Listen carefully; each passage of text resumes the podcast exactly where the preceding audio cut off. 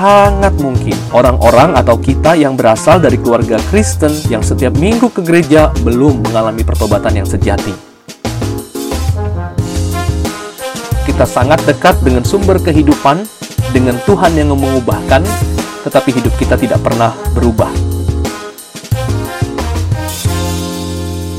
Apa yang muncul dalam benak teman-teman jika mendengar istilah orang Kristen KTP? Yang muncul dalam pikiran saya adalah orang-orang yang mengaku dirinya adalah orang Kristen, tetapi itu tidak lebih dari sebuah identitas di KTP-nya. Dengan kata lain, pengakuannya tidak membawa dampak apa-apa di dalam kehidupannya. Setujukah teman-teman jika saya berkata bahwa kita yang berasal dari keluarga Kristen, yang papa mamanya sudah Kristen, bisa jadi kita cenderung menjadi orang Kristen KTP tadi? Orang Kristen tanpa pertobatan. Saya pernah memimpin pendalaman Alkitab untuk teman-teman SMP di suatu persekutuan. Dari kecil, anak-anak ini sudah mengikuti pembinaan rohani. Tingkah laku mereka semua baik-baik. Mereka semua berasal dari keluarga Kristen yang baik.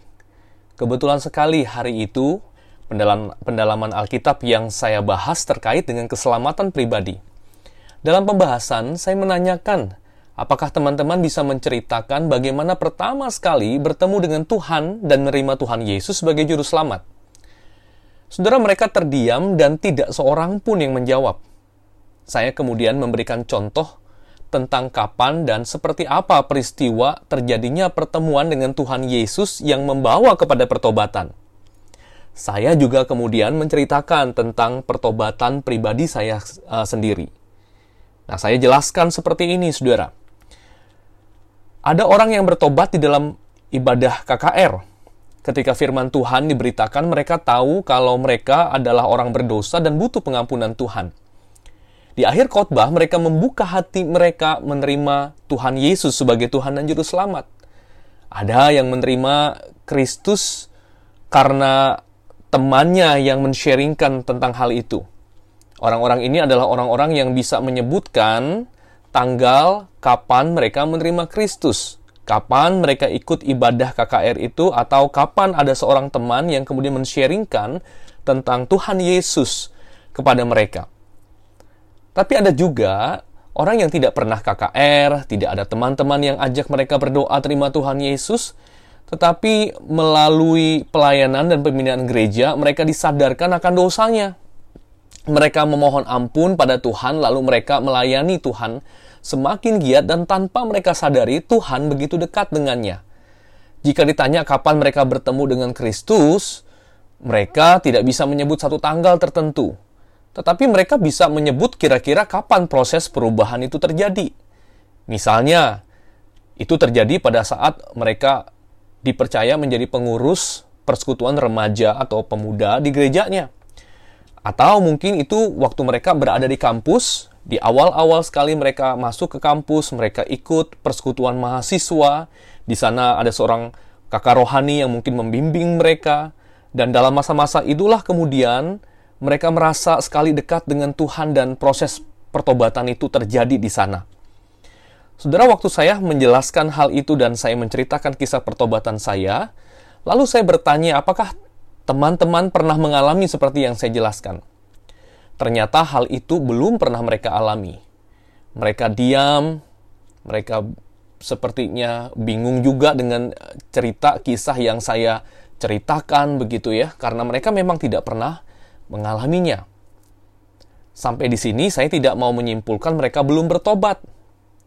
Tetapi teman-teman, saya menyimpulkan seperti ini sangat mungkin kita yang berasal dari keluarga Kristen yang setiap minggu ke gereja belum mengalami pertobatan yang sejati. Tanpa pertobatan yang sejati, maka kita bisa menjadi seperti orang yang dikatakan Tuhan Yesus pada Matius 7 ayat 22 dan 23.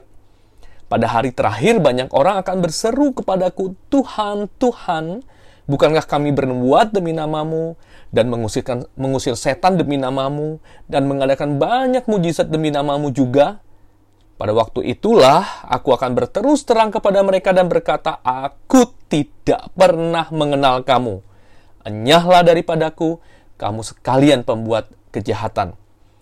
Jadi saudara, celakalah kita kalau selama ini kita rajin ke gereja, melakukan hal ini dan itu, di dalam gereja saudara aktif dalam banyak kegiatan, tetapi ternyata saudara kita belum pernah mengalami pertobatan yang sejati. Saudara, sebab itu hari ini saya mengajak saudara merenungkan kembali hakikat dari pertobatan yang sejati itu seperti apa adanya. Saya akan bacakan saudara Lukas 7 ayat 36 dan 50 sebagai landasan dari sharing saya pada hari ini. Lukas 7 ayat 36. Seorang Farisi mengundang Yesus untuk datang di rumahnya.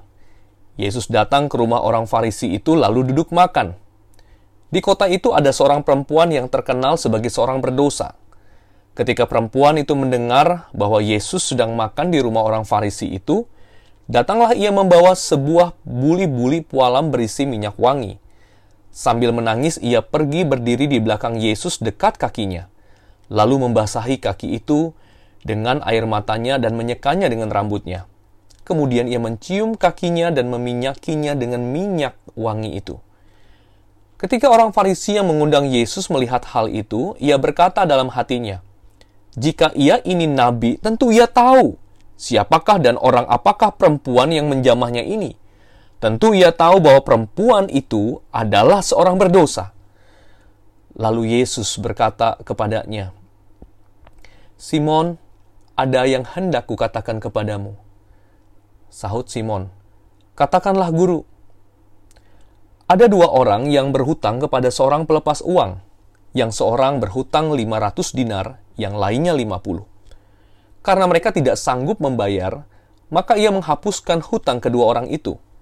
Siapakah di antara mereka yang terlebih mengasihi dia? Jawab Simon, Aku kira dia yang paling banyak dihapuskan hutangnya. Kata Yesus kepadanya, betul pendapatmu itu. Dan sambil berpaling kepada perempuan itu, ia berkata kepada Simon, Engkau lihat perempuan ini? Aku masuk ke rumahmu namun engkau tidak memberikan aku air untuk membasuh kakiku, tetapi dia membasahi kakiku dengan air mata dan menyekanya dengan rambutnya. Engkau tidak mencium aku, tetapi sejak aku masuk, ia tiada henti-hentinya mencium kakiku. Engkau tidak meminyaki kepalaku dengan minyak, tetapi dia meminyaki kakiku dengan minyak wangi. Sebab itu aku berkata kepadamu, dosanya yang banyak itu telah diampuni. Sebab ia telah banyak berbuat kasih. Tetapi orang yang sedikit diampuni, sedikit juga berbuat kasih. Lalu ia berkata kepada perempuan itu, dosamu telah diampuni. Dan mereka yang duduk makan bersama dia berpikir dalam hati mereka, siapakah ini? Sehingga ia dapat mengampuni dosa. Tetapi Yesus berkata kepada perempuan itu, imanmu telah menyelamatkan engkau. Pergilah dengan selamat. Saudara, ada berapa tokoh yang menonjol dari kisah Injil yang barusan saya bacakan? Betul, saudara. Ada Tuhan Yesus, ada seorang Farisi yang bernama Simon dan perempuan berdosa. Ini adalah ketiga tokoh yang menonjol dalam kisah Injil yang tadi saya bacakan. Kita diberitahu bahwa Simon mengundang Yesus untuk makan di rumahnya. Sepertinya tidak hanya Simon dan Yesus saja berdua yang makan. Dari ayat 49 kita tahu bahwa ada orang lain yang makan bersama mereka. Kemungkinan adalah orang Farisi, atau ahli Taurat yang juga adalah teman si Simon. Jadi ini sebuah jamuan makan yang dihadiri oleh orang yang cukup banyak. Saudara, mari kita melihat satu-satu dari tokoh yang menonjol ini, terutama perempuan yang berdosa itu dan Simon. Saya akan jelaskan dulu tentang perempuan yang berdosa ini. Siapa perempuan yang berdosa ini? Kita tidak punya banyak data tentang perempuan ini. Namun ada beberapa kemungkinan yang bisa menjelaskan tentang siapa perempuan yang ada di dalam kisah Injil ini. Yang pertama, saudara, perempuan ini dikenal oleh banyak orang sebagai perempuan berdosa. Apa dosanya? Apakah dia adalah seorang penggosip, seorang pembohong, ratu hoax, yang terkenal, semua orang kenal dengan dia? Alkitab tidak memberi menjelaskan tentang hal itu, saudara. Tetapi para ahli Alkitab setuju bahwa kemungkinan besar perempuan ini adalah seorang pelacur. Bukan seorang pelacur biasa, tetapi ia adalah seorang pelacur yang terkenal di kota tersebut. Itu fakta yang pertama, saudara, yang yang diceritakan juga di dalam kisah Injil ini. Perempuan ini adalah perempuan berdosa dan para Alkitab setuju bahwa dia adalah perempuan yang melacurkan dirinya. Yang kedua, saudara, perempuan berdosa ini sepertinya sudah pernah mendengar Tuhan Yesus mengajar.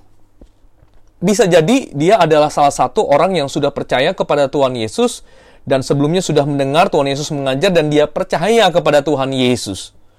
Yang ketiga, saudara, hadirnya perempuan ini awalnya tidak mengagetkan, tetapi waktu ia mendekati Yesus, semua orang terkejut. Apa yang ia lakukan, saudara? Yang pertama, ia membasuh kaki Yesus dan menyekanya dengan rambutnya. Waktu Tuhan Yesus masuk ke dalam rumah Simon, saudara, sebenarnya kaki Tuhan Yesus harus dibasuh. Itu sebuah tradisi yang sudah wajar dilakukan oleh seorang uh, tuan rumah untuk membersihkan kaki dari tamunya. Kalau dia tidak membersihkannya, maka ada seorang pembantu, seorang budak yang ditempatkannya di pintu masuk untuk membasuh kaki para tamunya. Tetapi saudara, hal itu tidak dilakukan oleh Simon. Saudara, struktur tanah yang ada di, di Palestina itu pasir berdebu. Jadi, saudara, debu pasir itu kira-kira berwarna coklat. Kalau kita berjalan, saudara, maka debu itu akan menempel pada kaki. Ingat, saudara, waktu itu tidak ada sepatu, saudara. Mungkin ada seperti sandal yang mungkin uh, uh, talinya dililitkan ke, ke kaki dan sebagainya. Tetapi intinya adalah waktu itu kalau kita berjalan, orang berjalan maka debu dari tanah itu, dari pasir itu bisa menempel di kakinya. Dan perempuan ini datang dan membasahi kaki Tuhan Yesus yang berdebu itu dengan air matanya. Lalu saudara, dia mengambil rambutnya, mengeringkan kaki yang basah itu dengan air matanya itu dengan rambutnya. Saudara bisa bayangkan rambut yang adalah lambang kehormatan itu disekahkan pada kaki Tuhan Yesus. Dan bukan hanya soal kaki saja, tapi itu kaki yang yang debu menempel dan ketika air mata menetes eh, membasahi kakinya, debu itu kemudian berubah menjadi seperti lengket-lengket gitu di kakinya. Dan itu yang dilakukan oleh wanita itu, saudara. Saya yakin sudah tidak ada dari satupun dari dari kita atau teman-teman wanita yang mendengarkan uh, podcast ini yang mau kemudian rambutnya disekakan pada kaki seseorang yang kotor. Semua orang tentu kaget dengan apa yang dilakukan oleh wanita ini. Saudara yang kedua, ia menuangkan minyak narwastu yang harganya satu tahun penghasilan. Saya ambil perbandingannya seperti ini, saudara. Waktu kemarin Sincia, ada teman-teman yang menerima angpau dari orang tua atau dari saudara. Saudara mau tidak kalau angpau yang saudara terima itu kemudian saudara berikan kepada Tuhan seluruhnya? Saya pikir saudara kalau saudara terima angpaunya dalam jumlah yang relatif kecil, relatif mudah juga bukan untuk memberikannya. Tapi bagaimana kalau kalau angpaumu jumlahnya misalnya 10 juta? Saya rasa makin besar jumlahnya, makin tidak mudah bukan? Saudara bayangkan perempuan ini memberikan satu tahun penghasilannya berupa minyak narwastu, lalu kemudian dia tuangkan semua itu ke kaki Yesus. Saudara, itu sesuatu yang bukan biasa, tapi itu sesuatu yang luar biasa. Saudara, bayangkan ini juga nih. Waktu dia menyiramkan minyak narwastu itu, dituangkan ke kaki Yesus dan harum dari minyak narwastu itu akan memenuhi ruangan itu, saudara. Saya membayangkan ruangan semua orang yang ada dalam ruangan itu akan kaget karena jarang ada orang yang melakukan seperti itu. Dengan kata lain, apa yang dilakukan oleh perempuan berdosa ini adalah tindakan extraordinary. Lalu siapa Simon? Simon adalah orang Farisi yang kedua, saudara, Untuk masuk dan diterima oleh kelompok Farisi atau masuk ke dalam kelompok elit Farisi ini, saudara, ia harus melewati pendidikan, proses pendidikan agama yang cukup ketat dan lama.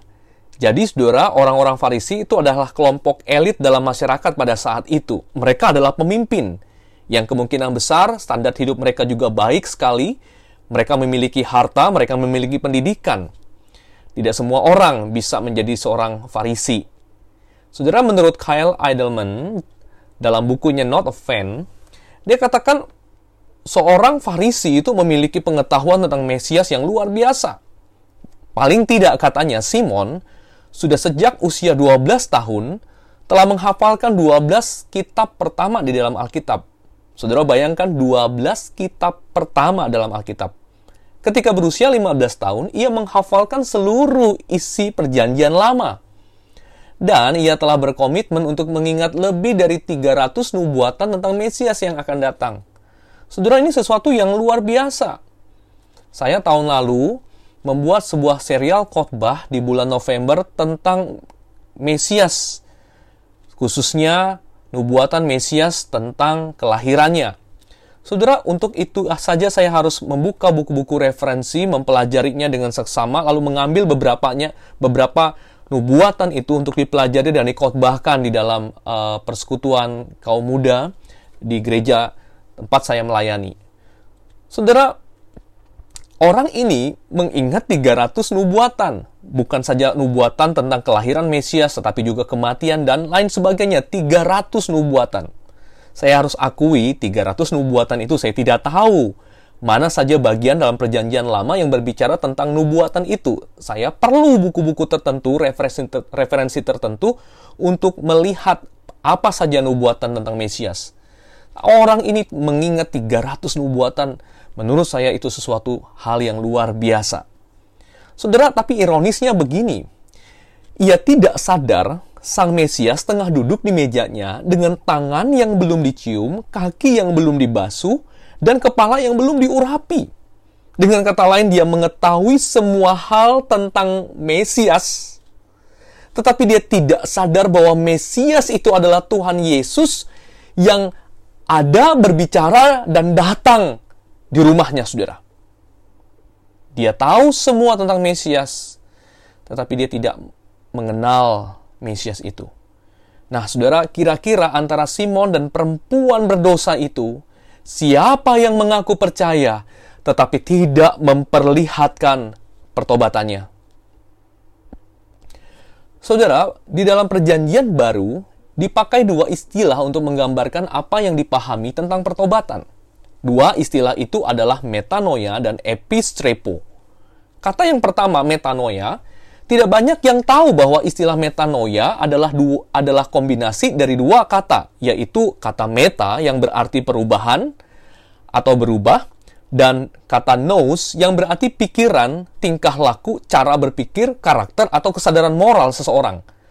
Sehingga secara literal, istilah metanoia berarti suatu perubahan pikiran atau perubahan hati. Perubahan yang dimaksud lebih dari sekedar rasa bersalah atau sedih karena dosa. Jadi metanoia ingin mengatakan bahwa pertobatan itu bukan sekedar sebuah penyesalan. Metanoia mencakup perubahan keseluruhan pribadi dan cara seseorang melihat kehidupan. Itu mencakup pikirannya, perasaannya, dan kehendaknya. Jadi saudara dari orang yang bertobat itu apa yang dia rasa, apa yang dia pikir, apa yang dia kehendaki mengalami perubahan. Kata yang kedua, epistrepo, memiliki arti berbalik arah. Di dalam perjanjian baru istilah ini digunakan untuk menggambarkan berbaliknya seseorang dari dosa kepada Allah.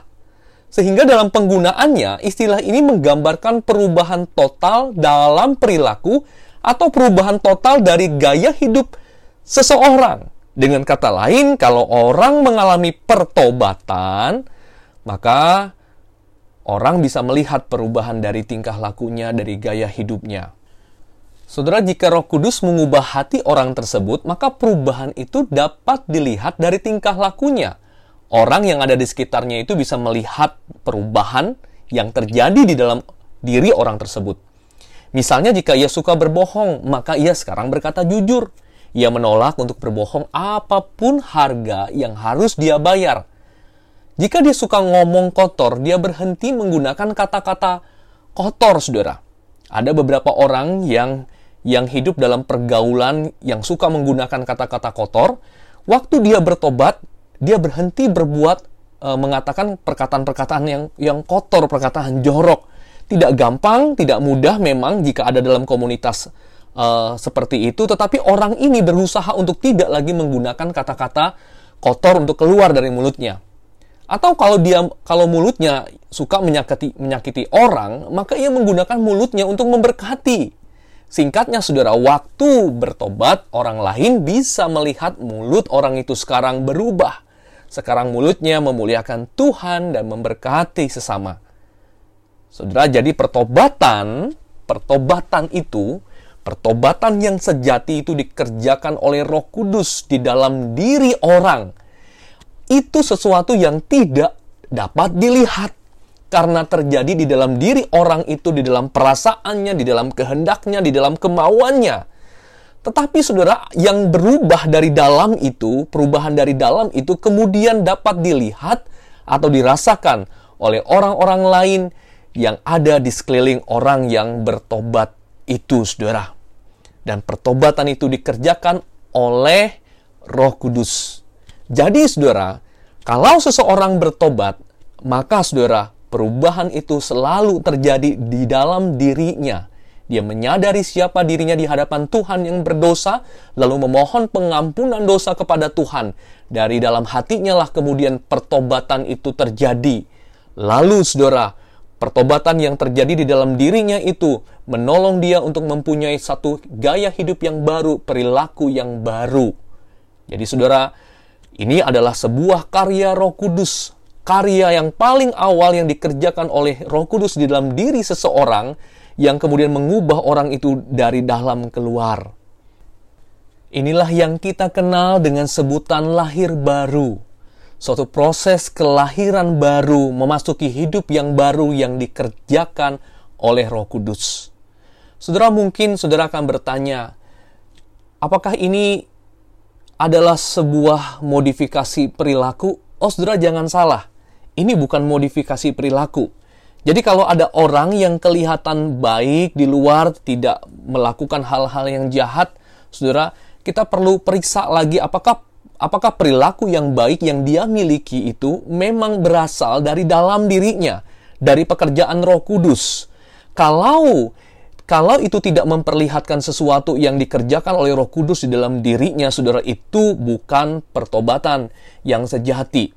Karena saya yakin dan percaya apa yang diajarkan oleh Alkitab bahwa kelahiran baru tidak sekedar berbicara perbuatan baik, kelahiran baru Pertobatan yang sejati yang dikerjakan oleh Roh Kudus itu mengubah seluruh kehidupan orang tersebut yang dulunya jauh dari Tuhan, saat ini kemudian menjadi dekat dengan Tuhan. Hubungannya dengan Tuhan itu kemudian diperbaiki, diperbaru, diperbaharui oleh Tuhan Yesus.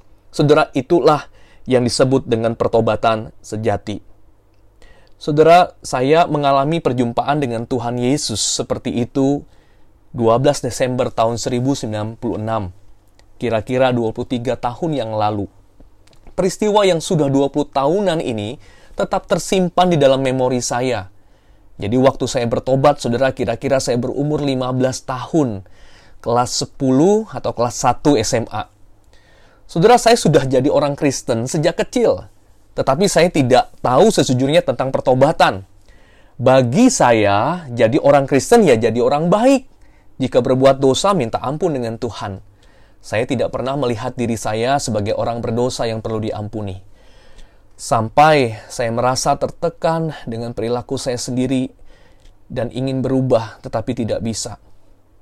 Saudara, waktu saya ber kelas 3 SMP, 14 November tahun 1995, papa saya meninggal dunia karena cancer sirosis, cancer hati. Kami yang dulu punya mobil, punya ini dan itu, tiba-tiba jatuh miskin. Sampai-sampai saudara sepeda pun kami dikasih orang. saya hampir tidak bisa melanjutkan ke SMA karena tidak punya uang untuk mendaftar. Saudara, dalam keadaan yang terpuruk seperti itu, tingkah laku saya malah tidak menyenangkan mama.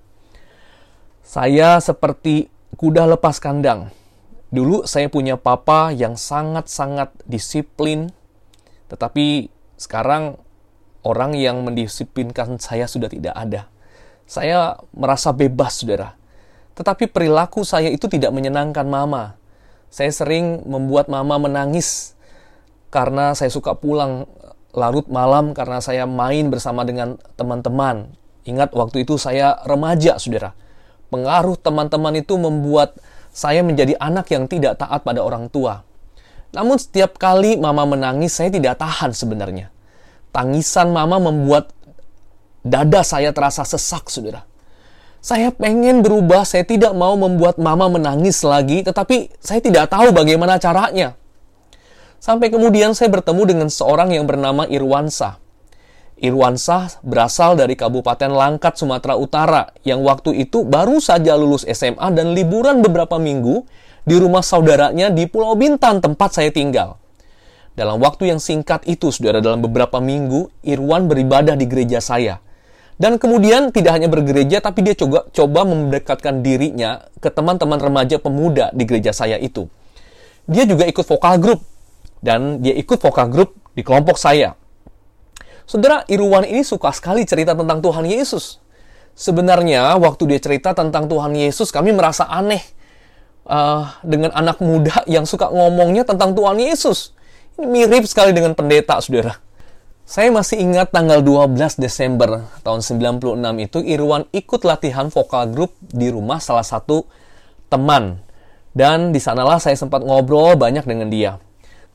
Setelah pulang, saya pun masih ngobrol dengan dia.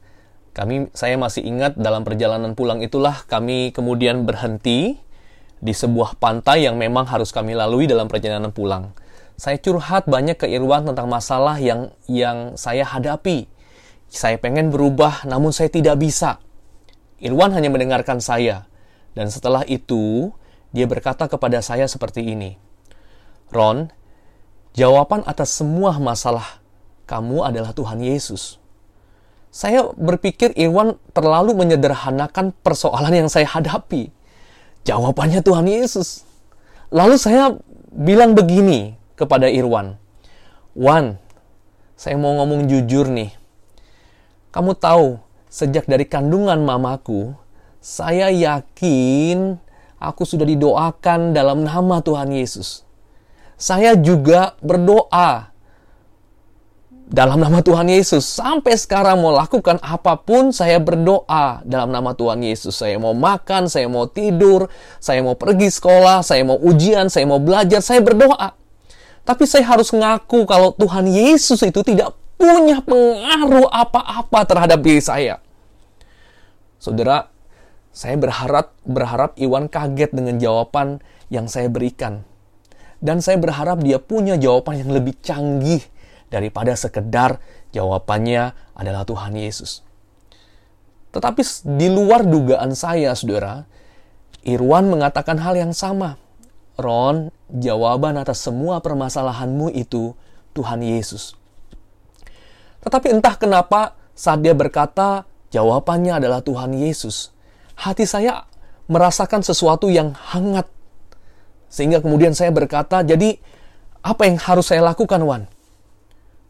Saudara Iwan kemudian berkata begini, mau nggak kamu berdoa bersama saya untuk mengaku dosamu dan meminta Tuhan Yesus masuk dalam hatimu? Saudara, sore itu di tepi pantai, saat matahari sedang terbenam, langit berwarna kemerahan, itu pertama kalinya saya menerima Tuhan Yesus sebagai Tuhan dan Juru Selamat. 12 Desember tahun 1996. Saudara Irwan juga meminta saya masuk ke dalam kamar. Waktu saya pulang, dia minta saya masuk ke dalam kamar, menuliskan semua dosa yang saya sengaja, yang saya masih ingat. Saya menuliskan semua dosa saya itu di atas sebuah kertas dengan pensil, saudara. Saya menuliskan semua dosa itu. Tetapi belum selesai saya menuliskan semua dosa itu, saudara. Air mata saya sudah menetes. Saya sadar hari itu dosa saya sangat banyak. Saudara, saya berdoa sekali lagi. Dan dalam doa itu untuk pertama kalinya saya menangis. Dan itu pengalaman berdoa yang luar biasa bagi saya. Pertama kalinya saya merasa begitu dekat dengan Tuhan. Saudara, dari 12 Desember tahun 1996 itulah saya memulai sesuatu perjalanan hidup yang berbeda saya memiliki hidup yang baru.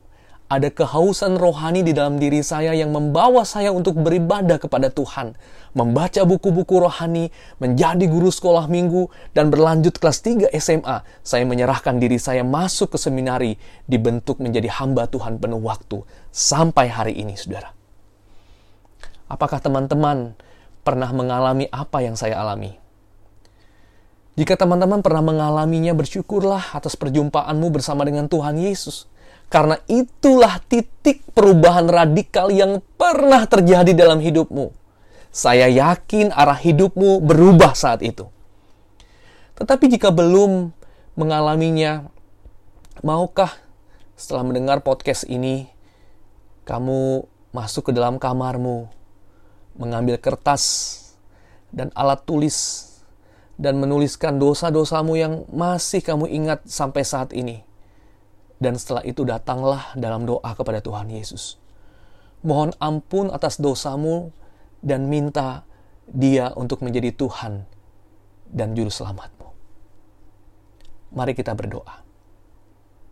Bapa di sorga terima kasih untuk kebenaran yang kami pelajari bersama Biarlah kiranya kebenaran ini sungguh-sungguh terpatri dalam hati kami, menggema di dalam pikiran kami, sehingga kemudian kebenaran itu memampukan kami untuk mengambil satu langkah, langkah yang konkret, bertobat, menyerahkan diri di hadapan Tuhan, mengundang Engkau, ya Yesus Tuhan, masuk dalam hati, dalam hidup kami menjadi Tuhan dan Juru Selamat dalam hidup kami.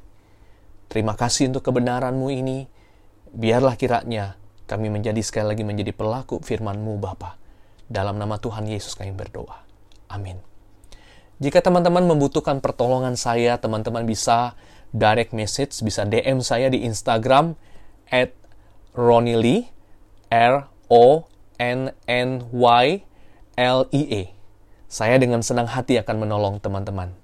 Tuhan Yesus memberkati.